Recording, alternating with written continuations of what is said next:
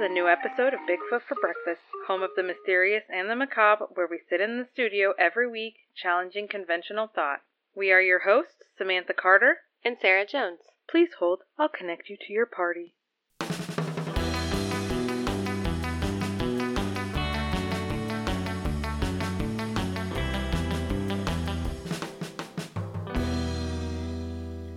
Before we get to the subject, we're going to start off by harassing you to do the subscribe, rate, and review things. Like, follow us on Facebook, follow us on Instagram, Snapchat, and Twitter. And most importantly, share us with your friends. Word of mouth is absolutely one of the best ways to help get our show out there in the world, and we appreciate the heck out of you for not only listening yourselves, but for recommending us. We recently announced the winners of our most recent contest on one of our traditionally awkward Facebook Live videos. Sarah, me, got the pleasure of being a one man show this time, and Sam says I did okay. So I guess I don't know because I did not watch it after it happened. So those lucky tweeters won some free Bigfoot for Breakfast merchandise, a t shirt, or an awesome glitter mug, and both of them actually chose t shirts, so that worked out pretty well. They're made by With Love Custom Creations out of Sheraton, Iowa. Check out their Facebook page and hit the link to their online store. Also, our voicemail system is in full swing, and we love hearing what our listeners have to say. Hello, uh, Wyatt Sanch here. Uh, short time listener, long time uh, uh, Pringle lover. I just wanted to go ahead and uh, give your kudos to the show. I just I really enjoy listening to it on a on a weekly basis. Uh, I love the uh, topics that you all bring out. I just want to say thank you uh, for uh, I, I discovered you. I'm really excited. Um, yeah, I do want to mention one thing though that I have about the show. I do know you talk about the beyond and the frightening and uh, there and there and the ghouls and everything, but I was just wondering if you could uh, maybe talk about the macabre. I mean, I always hear you reference it, but I've never heard anything about a uh, Cobb family. Uh, the family I am referring to is based out of Ontario, Canada. Uh, they were really, really in the corner of the Cobb. Uh, if you could really get into that story, I could give you features if you want to send them by direct link. My handle name, my handle name on Instagram is Sorcerer One. Um, if you could just go ahead and you know send me a direct message, I can definitely get you intel on the corner of the Cobb family. Uh, I'm not going to tell you all the stories because a little bit surprising, but I think it's something we can go in depth to. Anyways, I hope you have a, a wonderful evening. I I shall talk to you later. Bye.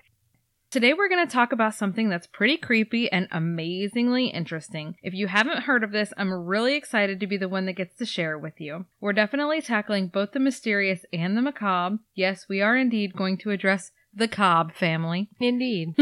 BT dubs, you don't need to tell us about Cornbro. We're from Iowa. it is literally everywhere. anyway, And I have yet to see murderous children. That is but a myth. But that did not take place in Iowa. that was that Illinois? Gatlin, Kansas. Kansas. I thought it was Gatlin, Illinois, but I looked it up the other night and it was actually in Kansas. Anyway, Off the subject.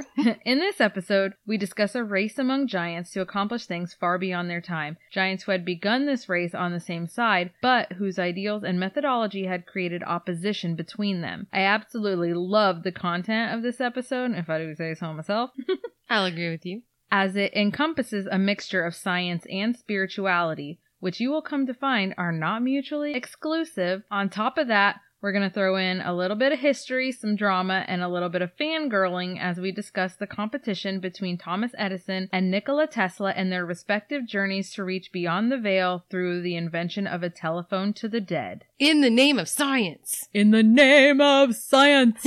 I bet most people didn't know that they did this. I bet not either. Anyway, But first, We also want to take a few minutes to let you in on some recommendations that we have for some other shows. We know a few that may pique your interest. The Question Everything guys, Semperfi Rob, Sean, and the Mick host a show where they pick a different topic every week that usually seems to coincide with issues that we seem to be facing at the time as American people, and they discuss it. They usually do a Facebook Live every Saturday, and then they'll post the edited version to the podcast platforms a few days later. They also take call ins from guests who have anything to say regarding the topic that week. So if you can relate in some way or have an opinion, get on their Facebook Live and give them a call and chat them up for a while.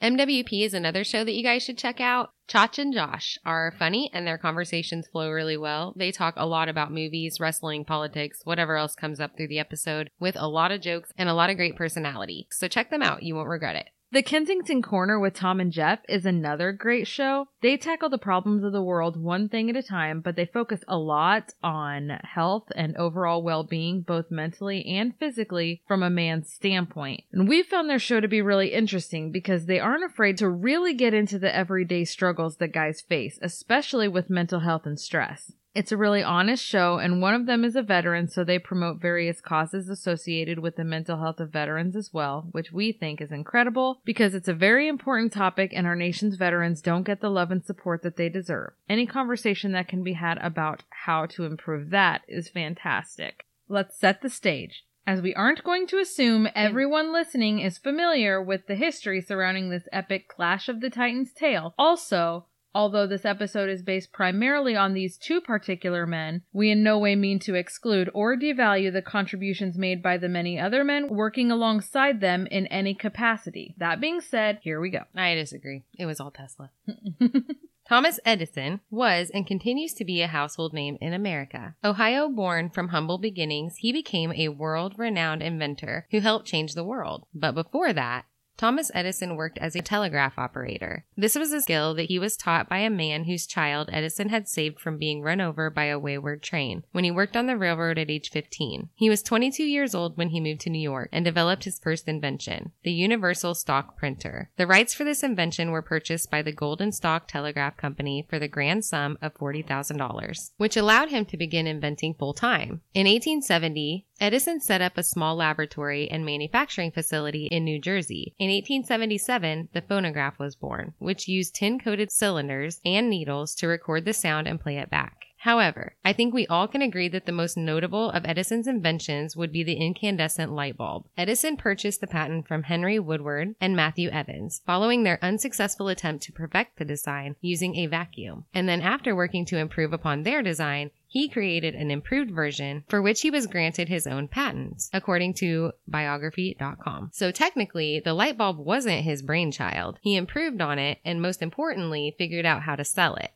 In 1896, he was the first to project a motion picture, the inspiration for which he drew from the invention of the kinetoscope by an associate named Dickson. According to most history books, because we'll get into that later. Let's jump back to 1884, the year that 28 year old Nikola Tesla arrived in America. Serbian born Tesla made his way with little but the clothes on his back, but came to Edison with a recommendation letter for employment, which he was granted. This epic team up lasted only several months as a conflict of personalities put them at odds with one another. According to biography.com, in 1885 he received funding from investors and was tasked with the development of an improved arc lighting system. Unfortunately, after the successful completion of this venture, he was forced out and had to resort to seeking work as a manual laborer for his survival. It would be two years before he once again received investor funding for the new Tesla Electric Company. Nikola Tesla is known for being a pioneer and is responsible for the discovery and development of technologies used still today, including radar, X ray, radio, and most notably, he is known for his innovations and improvements to the alternating current electrical system. The most notable of the controversies between these has come to be known as the War of Currents, AC versus DC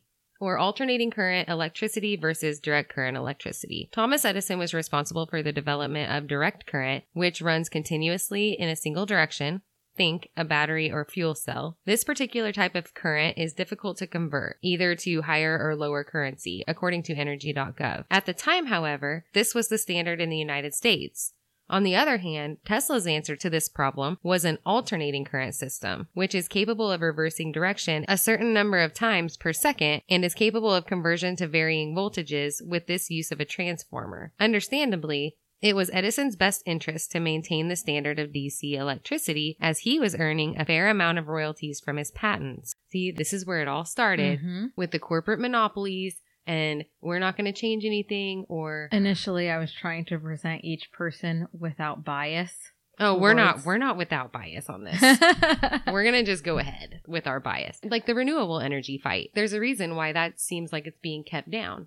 yeah, because how much making money- how much money will honestly be lost Yeah. by a few people and jobs. I get that. Mhm. But man, it would make such a difference in the world. Anyway, therefore, as the story goes, Edison took to spreading misinformation regarding AC, alleging that it was more dangerous. He went to great lengths to convince the general public of this through using alternating current to execute stray dogs which were collected by boys that Edison paid per animal, calves and a horse by electrocution. In 1903, a film was made by Edison of an elephant named Topsy being electrocuted by means of alternating current as a public safety demonstration to discourage the support of his competition. Poor Topsy. George Westinghouse, another master of industry in America at the time, was known for his patents of railroad air brakes, the rotary steam engine, a water meter, railroad signaling systems, as well as developing pipelines for natural gas. Westinghouse purchased the patent for the AC motor developed by Tesla and then subsequently hired him to improve and modify the design for use in his own power system, according to a Britannica article on Westinghouse. At the peak of the ACDC War, the World's Columbian Exposition, also known as the Chicago World's Fair, took place in 1893. Bids to electrify this event were placed by Edison's General Electric at a staggering $554,000, as well as Westinghouse, whose bid was a mere $399,000, using Tesla's AC technology. The lowest bid was accepted, of course, and the war waged on, and to an extent, it continues today. The best known tech created by its namesake would be the Tesla coil, which sets the roots for wireless technologies that are still in use for radio technology to this day, and was used by Tesla himself to study radio, wireless power, and electromagnetism in the Earth and its atmosphere. The Tesla coil is an inductor which had been used in early radio transmission antennas working with a capacitor to resonate current and voltage from a power source across a circuit. At this point, he is a man obsessed, dedicated to the idea of bringing energy to the masses on a global level as well as wireless communication through the use of large electrical towers. Oh, yeah,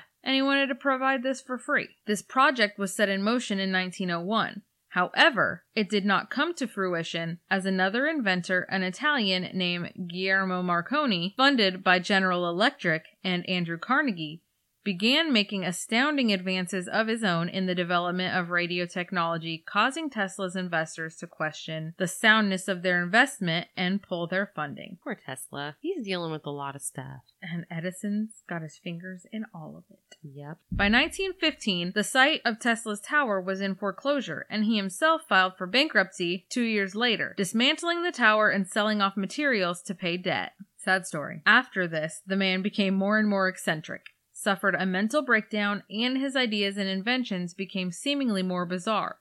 However, aside from the death laser, I feel like he was always pretty eccentric. Enter the topic of the day. Finally, I've been waiting. Here is where we get to the best part of the story. For us, anyway. In the 1920s, it had become a mainstream trend to hold seances and attempt to commune with loved ones who were lost.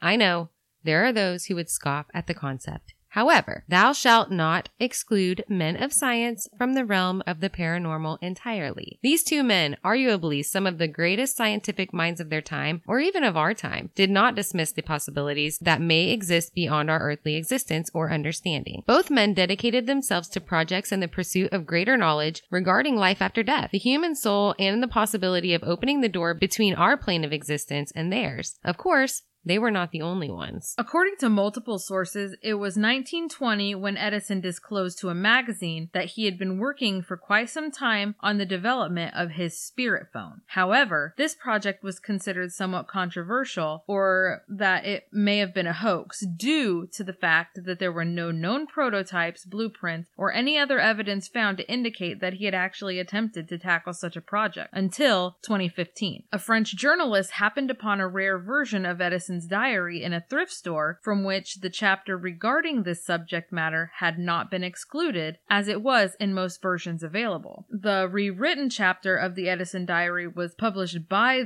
the French broadcast director at Radio France and was published by this journalist who had previously written books discussing Walter Benjamin as well as sound studies. The title of the Forgotten Thomas Edison book is the realms beyond. Aside from the chapter of the diary, which elaborated on his theories and methodology, no other evidence that this machine was ever actually constructed has been found that I could see from all my research. So it's known at this point that the concept of this device did exist. He was working on it as he described it and the science behind it in the redacted diary entry that we just discussed. But why was it hidden? Regardless, he had not only made public his intention to create a spirit phone or ghost machine, but he also publicly discussed the scientific theory behind it, which has since yielded to the modern theoretical physics of quantum entanglement, spooky action at a distance, and of course, Einstein's special theory of relativity. Edison believed that although he was not certain that human consciousness existed on another plane after death of the body, if Einstein's theory of special relativity were correct, then nothing or no one truly faded from existence. Essentially, he theorized the universe of eternal matter, which is neither created nor destroyed in a shared reality, in which all life participates. Therefore, one could surmise that a device capable of communicating with that collective unconsciousness may be able to carry signals back and forth from both sides. To be clear, it was never the goal of Thomas Edison to achieve these end goals through occult or magical means, but through scientific methods. In fact, you were likely to hear the man refer to spiritualists as fakes, discrediting their claims in regard to foretelling the future or other mystical arts, especially attempting to use Ouija boards as a means of communication with the spirit world. To think that a disembodied spirit could or would manifest using a piece of wood was considered to be ridiculous. In his diary, he wrote, The thing which first struck me was the absurdity of expecting spirits to waste their time operating such cumbersome, unscientific media as tables, chairs, and the Ouija board with the letters.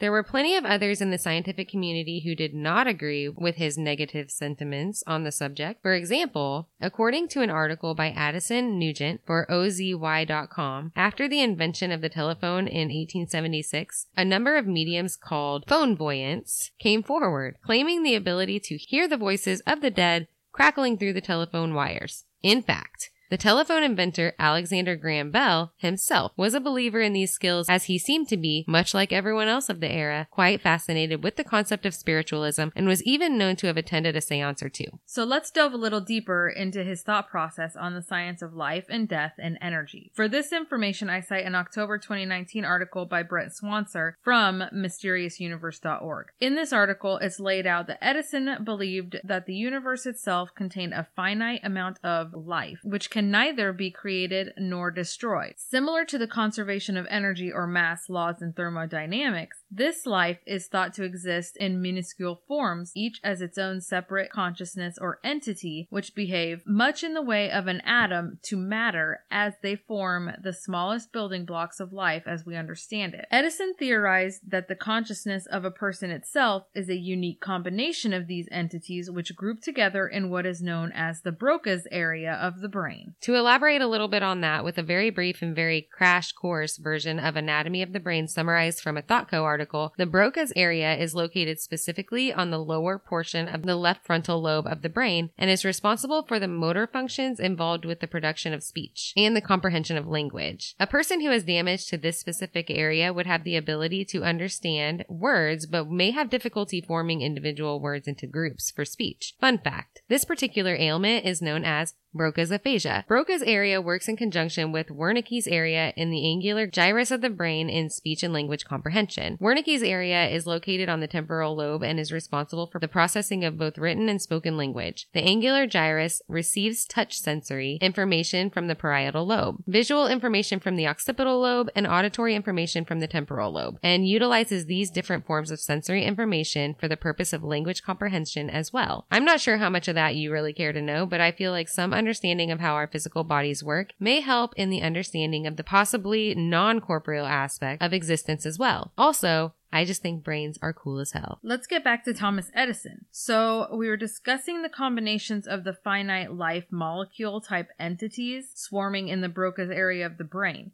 And this is what his concept of the human soul was. His theory on death, it seems, relates to the decision of these entities to exist beyond the physical body. So we've kind of summarized these thoughts and tried to break them down a little, but I would like to include an excerpt in his own words. I believe that life, like matter, is indestructible. There has always been a certain amount of life in this world, and there will always be the same amount. You cannot create life, you cannot destroy life, you cannot multiply life. I believe that our bodies are composed of myriads and myriads of infinities, each in itself a unit of life, which band together to build a man. In our bodies, these entities constantly rebuild our tissues, replace those which are constantly wearing out. They watch after functions of various organs, just as the engineers in a powerhouse see that the machinery is being kept in perfect order. Once conditions in the body become unsatisfactory, either through a fatal sickness, fatal accident, or old age, the entity simply depart from the body and leave little more than an empty structure behind. Being workers, they naturally seek something else to do. They either enter into the body of another man, or even start to work on some other form of life. At any rate, there is a fixed number of these, and the same entities that have served over and over again. They fight out the differences, and then the stronger group takes charge. If the minority is willing be disciplined and conform, there is a harmony. But minorities sometimes say, To the hell with this place, let's get out. They refuse to do their appointed work in the man body. He sickens and dies, and they are all free to seek new experience somewhere else. When we die, these swarms of units, like a swarm of bees, so to speak, betake themselves elsewhere, and go on functioning in some other form or environment. There are many indications that we human beings act as a community or ensemble rather than as units. That is why I believe that each of us comprises millions upon millions of entities, and that our body and our mind represent the vote or voice. Whichever you wish to call it, of our entities, the entities live forever. Death is simply the departure of the entities from the body. Inversely, it was Edison's belief that if these free particles of space could be assembled back into the unique pattern in which they existed in the person's physical being, then it should be possible that this person's consciousness could then be resurrected. Is your mind blown yet? So, this is where the telephone comes into play. I use the word telephone lightly because in reading his ideals about this instrument he was conceiving, it sounds more like a recording device per se than an actual live line for open dialogue. So, for this concept to become a reality, it seems to me that a few things had to be done. First, we have to find a way to measure whether or not these specific particle types actually exist. Second, we have to find a way to map out the unique patterns and forms taken by these molecules to comprise a person's specific soul in order to recreate said pattern. Lastly, create the tool that can act as a conduit for these molecule patterns to communicate through. Does that sound fair? Edison did in fact put a lot of time and effort into attempting to discover and create these things. He hired a team of scientists which were tasked specifically with this project from what I can surmise, but had very little success in the testing phase to find an effective method for proving the existence of the soul molecules. This, however, did not stop him from continuing his mission to craft the communication device. You make fun of me for using folks all the time, but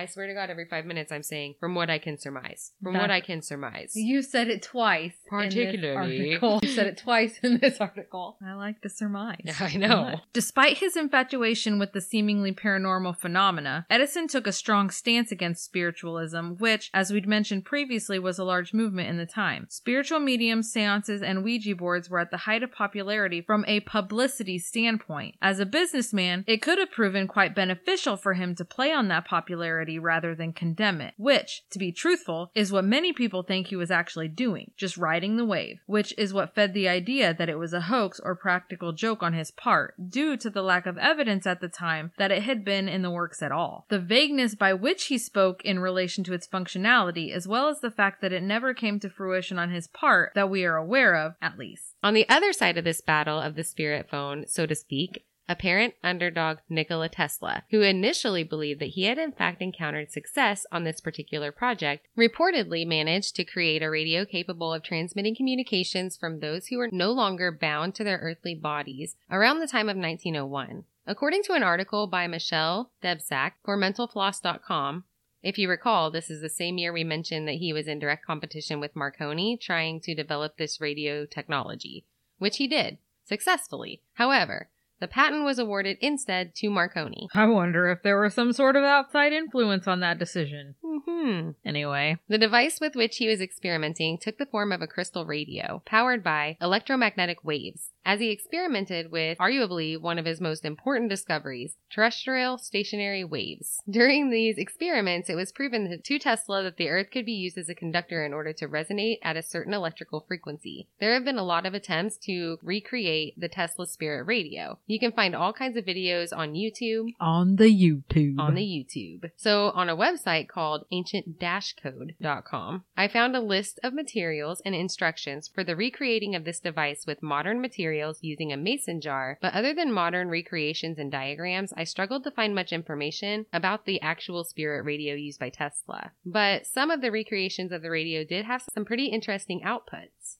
So I do want to share some of that with you as it may be similar to the sounds that Tesla was talking about when he wrote the following excerpts in his diary, which allude to the terrifying sounds which emanated from this device dated 1918, and it is as follows. The sounds I'm listening to at first sound like human voices conversing back and forth in a language I find it difficult to imagine that I am actually hearing real voices from people not of this planet. There must be a similar explanation that has so far eluded me. So let's deviate a little here and discuss a little bit first and foremost to make the point that those quotes were both dated before his reported mental breakdown. Just throwing that out there. So he wasn't crazy at the time. As the two of us have been long active in the field of paranormal research, the possibility of actually hearing voices of people who are no longer existing on our plane of existence is exciting and fascinating.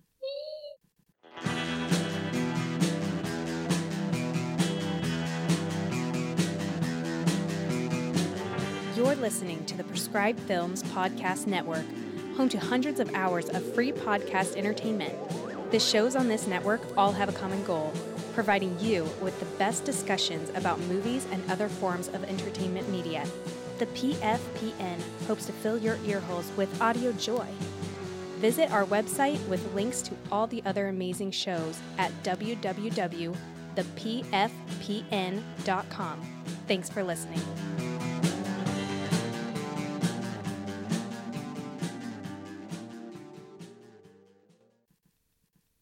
Of course, the concept of using these types of devices did not end with the presumed failures of historical attempts. Everyone who has watched an episode of Ghost Hunters is familiar, at least in part, with a few of the many devices in existence today, which use different types of technology to ultimately reach the same goal. Most importantly, I'm not entirely sure at the time that he discovered that he was possibly hearing disembodied voices that it wasn't just something he happened to stumble upon when he was working to develop his method of transmitting radio waves in general. So we don't know whether he intentionally came across this or if he just stumbled upon it accidentally while he was working to create something else. So he would be working on. Because he was developing long distance radio and maybe just happened to start hearing the weird crap coming through. People just started talking to him. According to a paper written in 2001 by the Faculty of Electrical Engineering of the University of Belgrade in Yugoslavia, when he began working on radio transmissions around 1890 to 1891, very little was actually known about electromagnetic waves.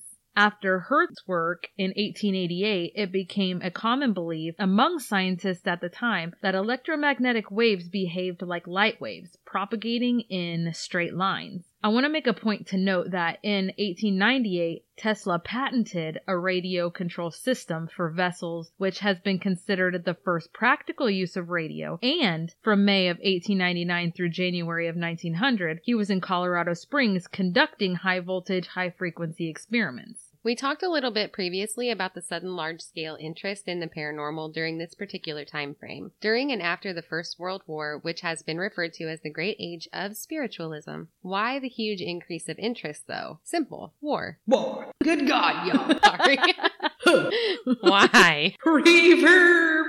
Everyone lost loved ones, often suddenly and without closure. However, with the exploration into communication with the dead, albeit on a smaller scale, goes back much further. A BBC article, Seven Facts About Spiritualism in World War I, claims the beginning of the mainstream interest arose with the Fox sisters. Do you remember when uh, Matt went through that phase where he kept trying to steal my soul through my nose? yeah. Like I literally could not be off guard for a second or his finger would be up in my nose. Matt Bush, shout out. I'll eat your soul. Those are my boogers, bro. How many times I watched Matt stick his finger up your nose?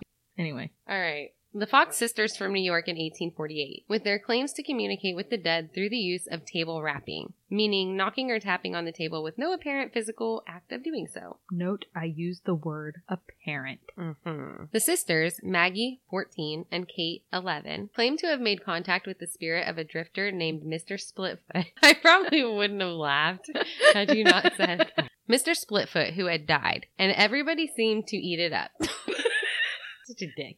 Stop laughing. Don't eat the foots. This comes at a very horrible time when I just read an article about a guy that had his foot amputated and then he fed it to his friends in tacos. Anyway, What? tacos. Why would you tacos. decorate it so nicely to seem like it was such a friendly He gesture? Because didn't tacos tell are them n- that it was his foot. Well, obviously. But tacos are such a friendly thing. Don't ruin that. I mean, you offer your friends tacos, right? You put his foot in it. Don't put your foot in your friend's food. Like, not even your foot, mm-hmm. your foot meat. We do not eat our friends or anyone at all. I would say curiosity killed the cat, but it's the person I'm more concerned about. Sir Arthur Conan Doyle himself wrote the Fox family's experience with the phenomena, as they had allegedly been experiencing months of torture at the hands of an entity who used what was essentially Morse code to communicate with the sisters through what he described as spiritual telegraph, using one knock on the table for yes and two knocks for no. I want to share the story of some of their experience as told by Karen Abbott in SmithsonianMag.com. Every night around bedtime, they said they heard a series of raps on the walls and furniture, raps that seemed to manifest with a peculiar, otherworldly intelligence. The neighbor, skeptical, came to see for herself, joining the girls in the small chamber that they shared with their parents. While Maggie and Kate huddled together on their bed, their mother, Margaret, began the demonstration. Now count to five, she ordered, and the room shook with the sound of five heavy thuds. Count fifteen, she demanded. And the mysterious presence obeyed. Next, she asked it to tell the neighbor's age. Thirty-three distinct raps followed. That's my age. If you're an injured spirit, she continued, manifest it by three raps. And it did. So, community leaders became enthralled by the girl's story, as well as the rumor that the spirit may have been that of a peddler who was said to have been murdered five years before there in the house. A group of Rochester residents examined the cellar of the Fox's home, discovering strands of hair and bone fragment. The girls were then invited to the home of said community leaders in the hopes that they might make contacts with the spirits there as well. After their convincing demonstration, the girls were stripped and examined in a private room in order to ensure that there was no evidence of a hoax. The examination was done by a committee of skeptics. At the time, mediums, astrologists, palm readers, and fortune tellers could be arrested under the Witchcraft Act until 1951. I think that was in Europe, though, technically. So these acts were presented as entertainment in order to circumvent the law. Eventually, even Marconi, nearing the end of his life, sketched out plans for a spirit phone in the hope that it would capture every word that had been spoken throughout the entirety of human history. According to an OZY article, he claimed hopes of hearing the last words of Jesus on the cross. Marconi theorized that these disembodied voices continued to ripple through the universe on sound waves, much in the same way that Edison seemed to believe. The science behind this experiment continues to be utilized in the paranormal field to this day. While the Tesla coil was not invented for this purpose, investigators use them to charge the environment, as one of the most badass functions of a Tesla coil is to essentially shoot lightning bolts of electricity into the atmosphere. The initial purpose of this was to power a fluorescent light bulb across the room without any wires. However, some would speculate that it may also function to attract a spirit, as it thought that an entity needs a form of energy in order to communicate. To achieve this, the theory is that they can manipulate the electromagnetic field around us and use it as a type of battery power source. Tesla coils are used by some investigators to charge the environment, hoping that it might possibly attract an increased paranormal activity in the suspected haunted areas, in the same way that an EM pump functions to flood the room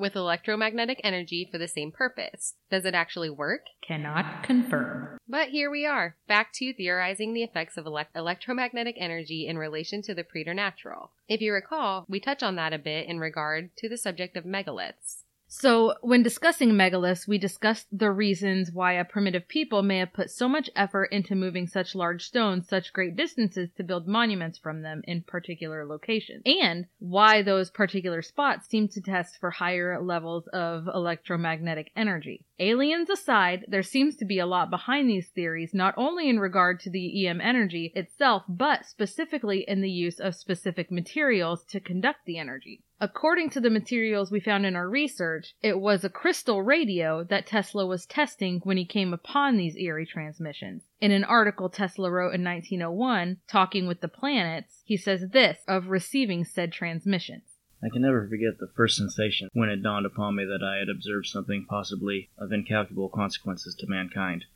I felt as though I was present at the birth of a new knowledge or the revelation of a great truth. Even now, at times, I can vividly recall the incident and see my apparatus as though it was actually before me. My first observations positively terrified me, and there was no present in them something mysterious, not to say supernatural, and I was alone in my laboratory at night. But at that time, the idea of the disturbances being intelligibly controlled signals did not yet present itself to me. So, can we discuss the relevance of the materials used to construct the radio device through which these transmissions occurred? I found a few articles which quoted Tesla discussing the use of quartz, which one such quote is as follows In a crystal, we have clear evidence of the existence of a formidable life principle, and though we cannot understand life of a crystal, it is nonetheless a living being. Crystals are a universal element in the world of the metaphysical and paranormal, and according to sources discussing Tesla's work, were a great inspiration to him, and were a common element in a few of his experiments. But why? Most precious and semi precious stones are well formed crystals. The electrical conductivity of quartz is primarily ionic. Scientists have worked for years in efforts to discover the electric property of quartz. One such experiment was the process of electrodiffusion, or sweeping,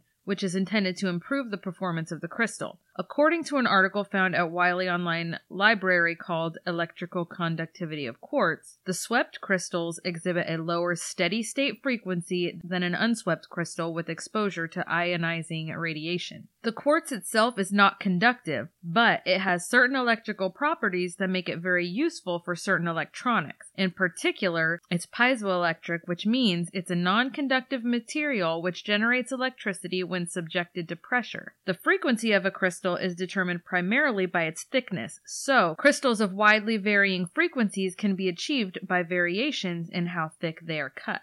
So basically, the size and density and thickness of the crystal determines how the sound comes through it. Yeah, and they said that natural crystals don't perform as well with these tests as the ones that they do lab created because they can they have Um, more effect on those features. So they can kind of like create hybrid crystals. Yes, they can make them how they need them for what they need them, kind of to dumb it down. Science overload. Let's go back in a lighter direction. And by light, I mean dark and creepy. Let's talk more about contacting the dead. Back to the age of spiritualism. Before the Fox sisters were taking tapping mainstream, the spiritual movement had already begun building from around the 1850s. Its reach had even gone so far as the White House. In the 1960s, when Mary Todd and Abraham Lincoln had lost their son Willie, Mary adopted a great number of spiritual practices, including meeting with mediums, holding seances in the White House and other locations seeking contact with her son in an effort to lessen the overwhelming feeling of loss. Biographer Carl Sandburg wrote, She rushed into the room of her half sister and exclaimed, He lives, Emily.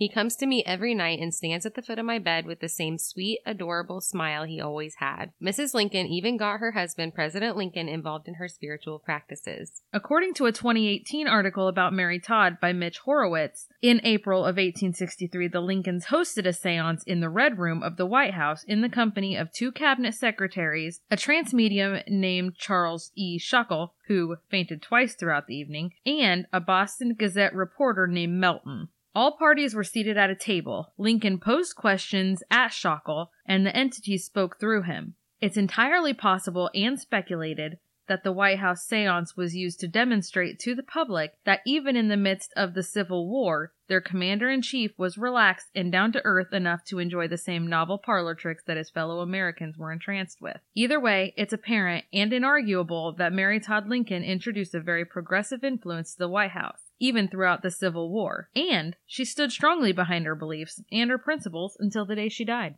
Anyway, I feel like it's important to share how mainstream attempts at communicating with the dead had come in the time of the battle with the spirit phone. However, let's lean back toward the subject matter at hand Edison and Tesla. Fun fact in the late 1800s, Henry Ford was an employee at Edison's company working as a chief engineer. In his spare time, Ford was working independently on a design for an invention that would eventually change the world. I know it kind of goes without saying, but obviously, it was an automobile. What? So they're at a company party one day when Ford managed to take the opportunity to approach Edison and he gives him a rundown on this amazing concept that he's working on. According to Annetta Black's Atlas Obscura article, Edison was surprisingly very supportive towards Ford in regard to this invention, stating, Young man, that's the thing. You have it. Your car is self contained and carries its own power plant. Now, knowing that Edison had a reputation for adopting the ideas of others, adapting and improving them, and claiming them as his own, What? I am honestly a little surprised that he didn't take the idea and run with it, so to speak,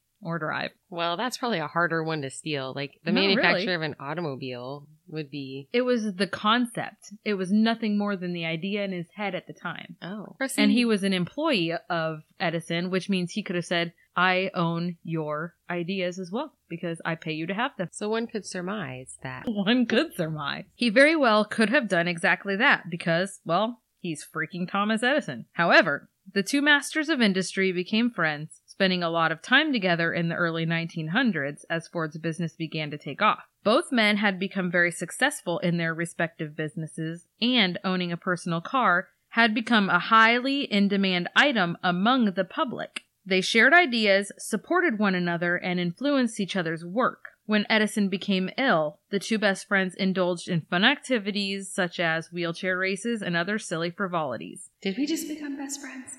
Edison was quoted saying this of Ford at a celebration event. As to Henry Ford, words are inadequate to express my feelings. I can only say in the fullest meaning of the term, he is my friend. So when Edison is on his deathbed, the rumor is that Ford asked for one last keepsake by which he might remember his friend. Ford asked for a very interesting keepsake. A request that some might consider to be odd or even extreme. Edison's son, Charles, was asked by Ford to capture his father's dying breath in a test tube. Edison had been in a coma from which he woke, and with that last breath, he spoke the words, It's very beautiful over there. I don't know where there is, but I know it's somewhere, and I hope it's beautiful. I don't know about you, but I think that's kind of amazing. It is kind of amazing. I do, however, find it interesting that he bonded so close to Ford in their friendship when, in fact, Edison was rumored to be quite cold and neglectful, especially towards his family. He was not known for being a caring or compassionate employer. In fact, he was called a tyrant and had been described as ruthless. So, that's kind of an interesting thought. We kind of touched on it earlier with the whole Ford story, and you may have gotten that impression when listening to a lot of the saga between he and Tesla. It's widely rumored that Edison was one to often take the ideas of others and make them his own, patenting them, making the profit. For example, Edison gets credit for the fluoroscope, which made the first x-rays possible. However, German scientist Wilhelm Röntgen was the actual inventor of a device to see the bones of a human and actually took an x-ray of his wife's hand several years prior to Edison. Edward Leon Scott, de Martinville, created his phonautograph more than 15 years before Edison's 1877 phonograph. One of the worst of these scenarios is that of Louis de Prince, a French inventor who created working motion pictures before Edison. The story goes that in 1890 he was on his way to patent his invention in England with a plan to then sail to America to exhibit and patent it. Le Prince got on a train on September 13th that year, never to be seen again. Well, even his luggage was gone. His family moved forward in their effort to patent his work, however, coincidentally, in 1892, two years after testifying in a lawsuit against Thomas Edison, Le Prince's son was killed and the murderer was never apprehended. After that, he brought a pirated version of the film, A Trip to the Moon, to America and showed it all over the country. When the filmmaker invested a significant amount of money on a trip to America to show the film, he found that most people had already seen it, and not long after, he went bankrupt. Does this make Edison any less of a brilliant man? Perhaps not. But ruthless, he may have been. So, is it possible that Edison may have been an underhanded contributor to the failure of many of Tesla's projects as well? Having worked with him, he was well aware of his genius, which made him a dangerous competitor. With his plans to create a system of powering the world for free, there were a lot of men, Edison among them, who stood to lose a lot of money. Mo money, mo problem. Edison was also a player in the committee that assigned patents, which may have been an influence in the decision between Tesla and Marconi, which ended up being a critical blow for Nikola Tesla. That is, of course, all speculation, and not just on our part, but for many. I suppose that it can be said that indeed this is a nice guys finish last tale. Nikola Tesla died in New York City at the age of 86 years old on January 7, 1943. His cause of death was a coronary thrombosis. Murder. I'm not sure how you murder someone with a blood believe. You know. that's what happens. There are actually. There are ways. His legacy, however, lives on and he is regarded as a legend of our time. Well, there you have it, ladies and gentlemen. That concludes this week's episode of Bigfoot for Breakfast. Yes, it does. If you haven't already, make sure you find us on your favorite podcast app, subscribe, rate, and review. Let your friends know about your favorite show. That's us. Right? We're your favorite show. You might not know it yet, but it's true. Yep. You We're like your favorite. you like us the best. When you're finished with that, Follow us on Facebook, Twitter, Instagram, Snapchat, and now TikTok. We got the TikTok. And on TikTok right now, we've just really uploaded clips of our audio, but I have plans Big plans. to make some videos. fun plans. I am really addicted to TikTok.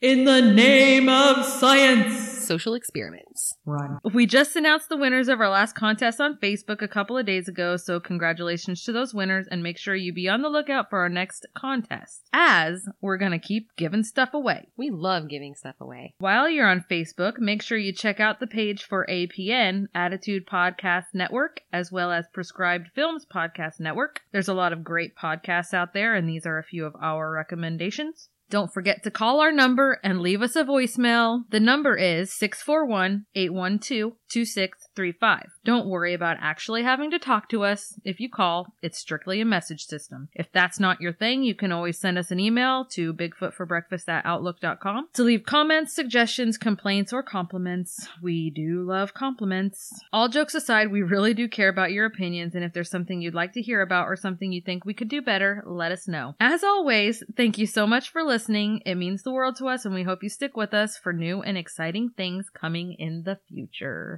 In the name of science.